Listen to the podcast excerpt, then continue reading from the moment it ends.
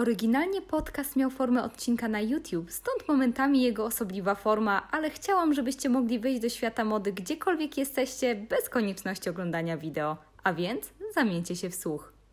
Cześć! Noc to szczególna pora. Dla mnie to również pora cudów, bo kiedy gasną światła, wszystko wydaje się być inne. Rozmowy, miejsca i materiały, które nagle oblekają się w niesamowitą zmysłowość. Wydobywają z siebie również nagły blask. Koronki, brokaty, pióra i jedwab. Ale teraz już w jedwabiu do rzeczy. Mamy więc nocną scenę, ale dodajmy do tego muzykę na żywo, niezwykłą scenografię oraz zapierające dech w piersiach układy, przy okazji ukazując kobiece ciało w nieco bardziej niż wcześniej odważny sposób. Więc po tym długim wstępie co będzie tematem tego odcinka, który jak zawsze powstał przy wsparciu cudownych patronów? Otóż fenomen, jakim były Ziegfeld Follies, które zdefiniowały modę buduarową oraz stworzyły archetyp dziewczyny z rewi. Jeśli chcecie dowiedzieć się, co wspólnego z dziewczynami Ziegfielda ma mleko oraz Lady Duff Gordon, o tym już za chwilę.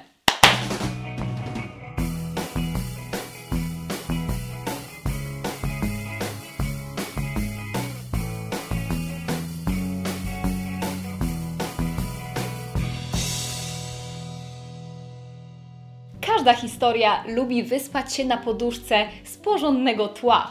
A to, co nieco surrealistyczne i wydumane, wydawało się odbijać pragnienia wielu nowojorczyków z początku wieku. XX, dodajmy. Dzięki industrializacji Nowy Jork przechodził dynamiczne zmiany.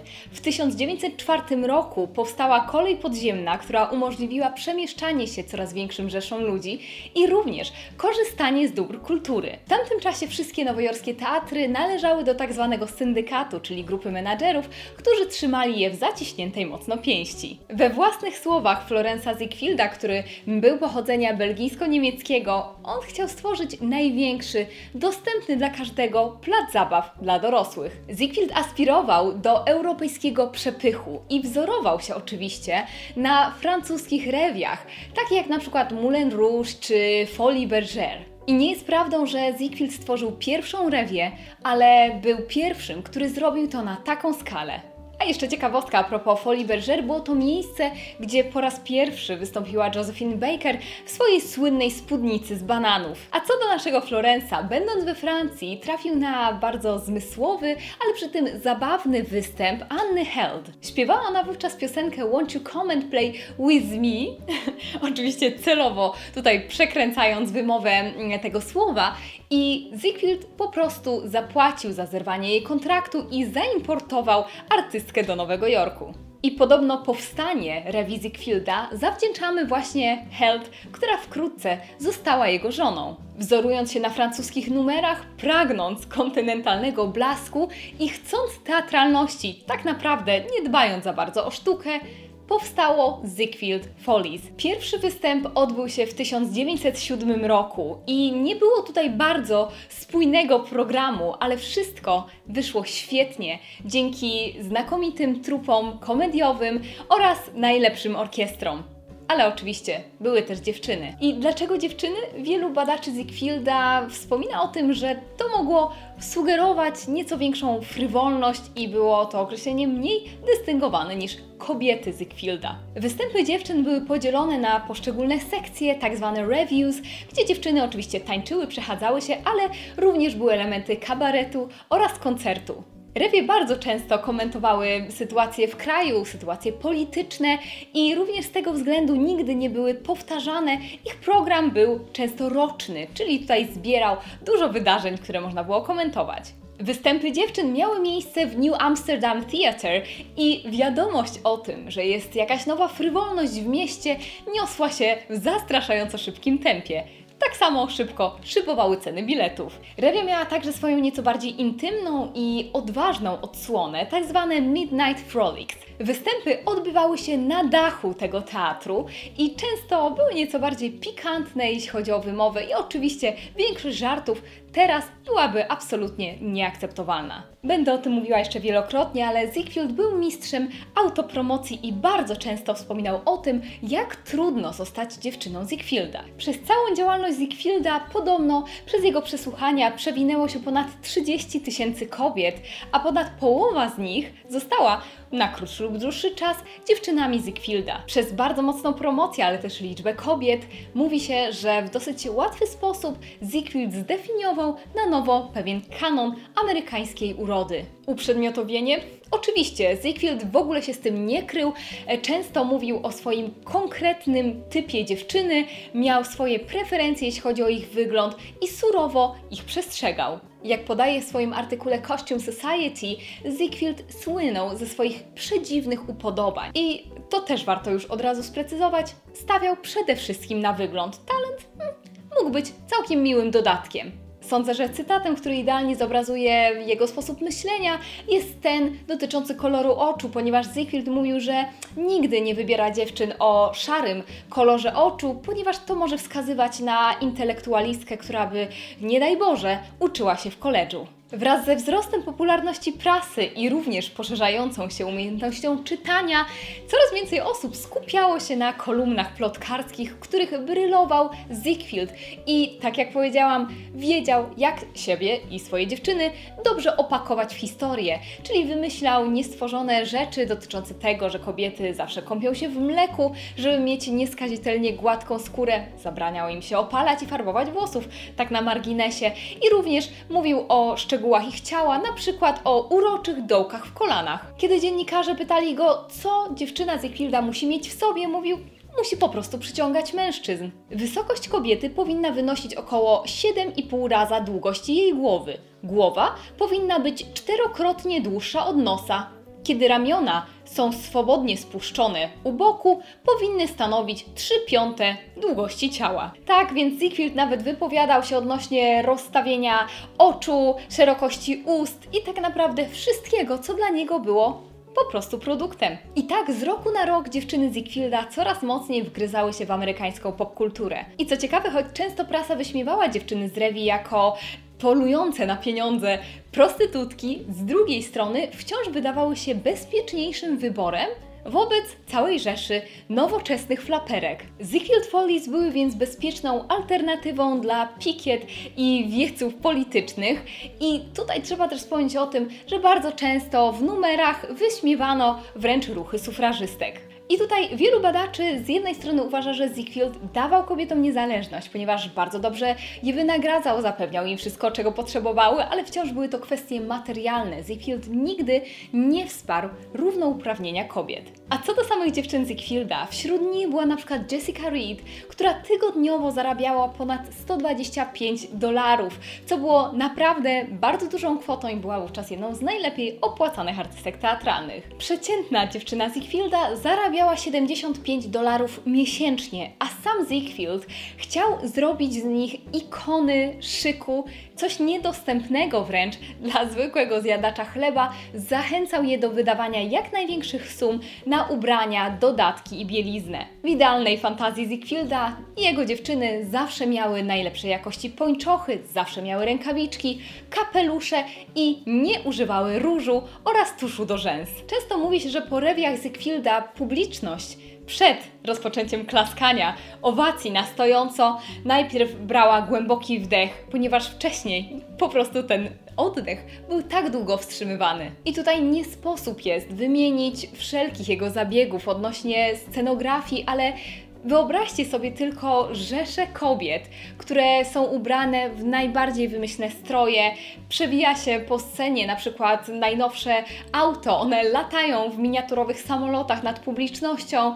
No naprawdę na tamten moment historii to było coś niesamowitego i był to rozmach, którego nikt nigdy wcześniej nie osiągnął. Co ciekawe, za jedną z najlepszych rewi uznaje się test z roku 1919, która dotyczyła głównie prohibicji, a kobiety na początku przechadzały się przebrane za różne rodzaje składników sałatki. I żeby wspomnieć o tym, jak ważnym wydarzeniem była rewia, wystarczy nadmienić nazwisko Irving Berlin, który jest synonimem tego Nowego Jorku, amerykańskiej muzyki z początku wieku i maczał swoje utalentowane paluchy w jego repertuarze. Ziegfeld nie skupiał się na indywidualnych talentach, bardziej chodziło o rozmach i fantazję i ukuł on nawet określenie glorified American girl w odniesieniu do swoich dziewczyn. Czyli znowu uważał, że wstąpienie do jego rewi było czymś niesamowitym i według niego on właśnie cedził to, co w amerykańskich kobietach jest najpiękniejsze. W książce Zbuntowany Nowy Jork, którą zresztą bardzo polecam,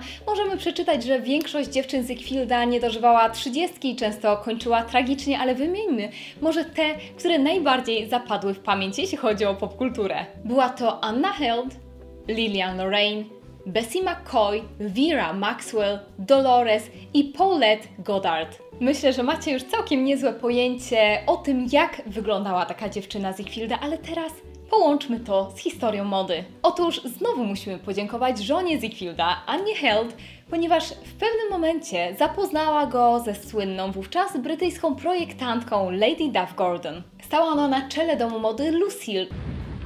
This one, Lucille, I imagine. Yes, Angel. Your mother seems to have packed everything.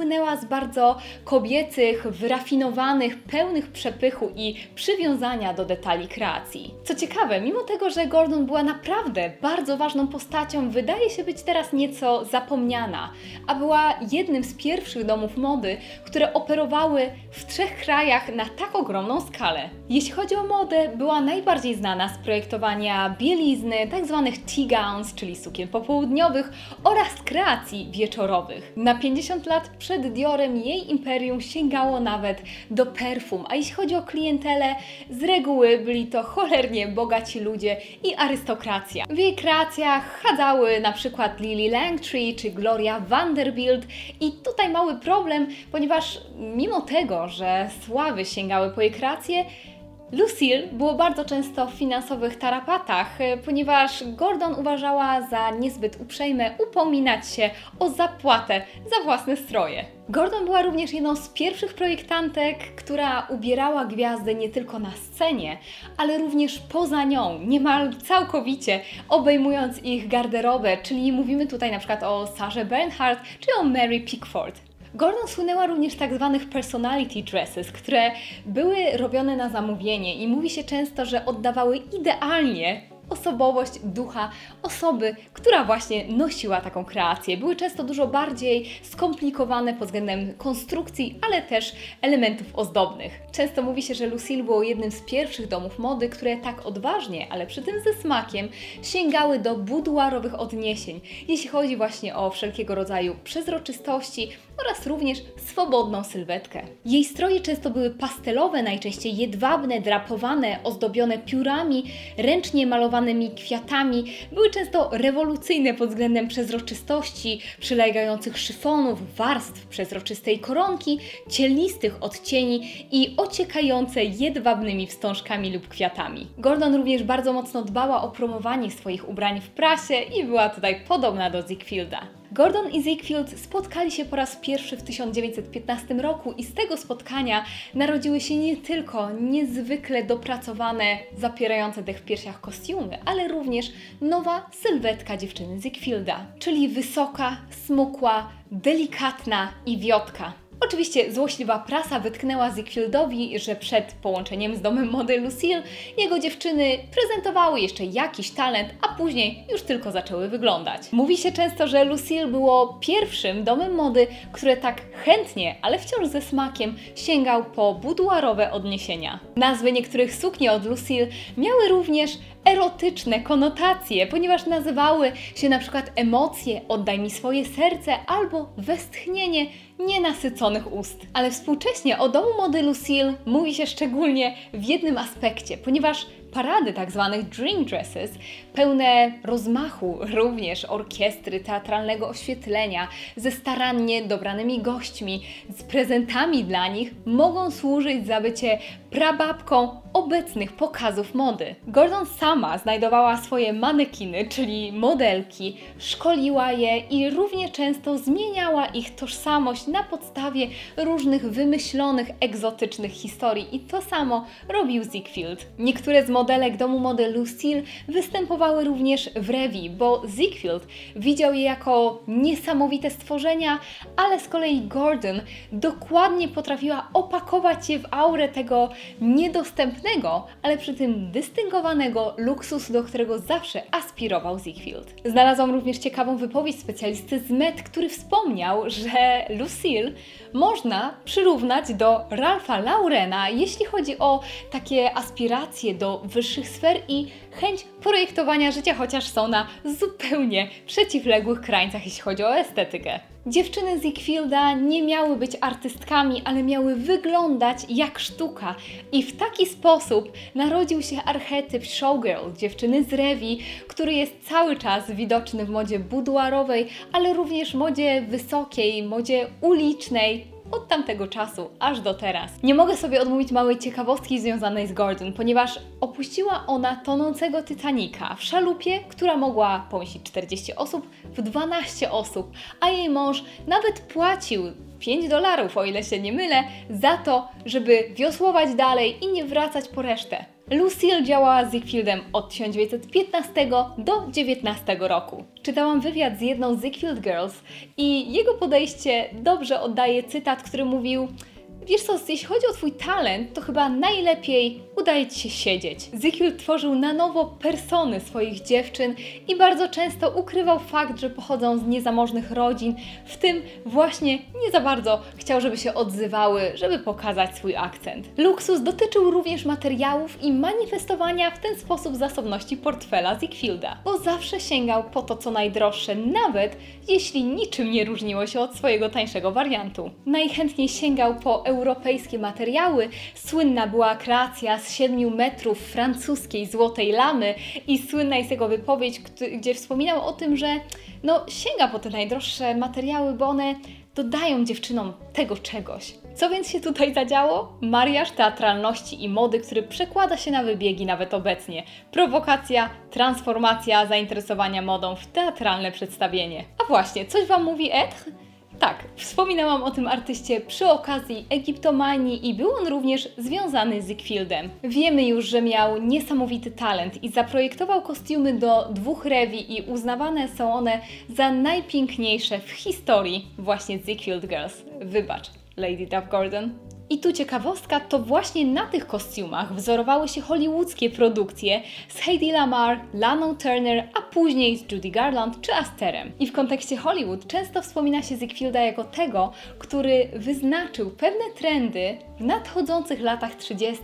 i właśnie w hollywoodzkim glamour. Mający na swoim biurku złote telefony Ziegfeld na wiele lat zostawił konkurencję w tyle. W roku 31 dziewczyny Ziegfielda pojawiły się na scenie po raz ostatni. Wcześniej występując tysiące razy, pojawiając się w niezliczonych gazetach, na niezliczonych zdjęciach i jeszcze większej liczbie pocztówek, które również kojarzymy z tamtym okresem. A sam Florence Ziegfeld zmarł rok później, jakby nie mógł żyć już bez swoich dziewczyn, zostawiając półmilionowy dług. Współczesne nawiązania do showgirls można mnożyć, szczególnie patrząc na kreacje sceniczne popkulturowych gwiazd. Beyoncé, Gaga i mój ulubiony przykład, czyli Kylie Minogue i jej trasa z 2011 roku, gdzie występowała w kreacjach Dolce Gabbany. Z drugiej strony oczywiście czerwony dywan cały czas karmi się takimi wzorcami. Wystarczy przypomnieć sobie Cher z roku 86 w kreacji od Boba Makiego. Ale nawet pokaz Prady z 2011 roku zrobił ukłon w stronę Josephine Baker, która uznawana jest za jedną ze najbardziej słynnych showgirls. Pomijając już syrenie nawiązania w latach 30., wystarczy przypomnieć sobie na przykład lata 90. i slip dresses, które karmiły się buduarową estetyką. Turbany w latach 40., bielizna, która była coraz bardziej widoczna w latach 50., w latach 60., rozwój mody buduarowej, wszelkiego rodzaju peniuary, które zaczęły być jeszcze bardziej popularne w latach 70. cekiny. Dalej możemy mnożyć i mnożyć przykłady punkowych, kabaretek, czy też nawet obecna moda, która powraca do piór, które wykańczają stylizację lub też do piżamowej estetyki. A śmiało można powiedzieć, że to wszystko zaczęło się w Ziegfieldowskim Nowym Jorku. To tyle, jeśli chodzi o ten odcinek Freakery. Przede wszystkim zapraszam Was do pisania komentarzy w sekcji komentarzy na dole. Każdy czytam, na każdy staram się odpowiadać. Cieszy mnie, że jest ich coraz więcej. I do subskrybowania kanału, żeby żaden już film Wam nie umknął. Jest też tutaj ikona dzwonka, w którą można uderzyć, żeby zawsze dostać powiadomienie, bo ten paskudny YouTube czasami lubi coś ukryć. Co jeszcze na Instagramie nieco częściej daję znać, co u mnie słychać, a wkrótce pojawi się kolejny odcinek Freakery. Do zobaczenia!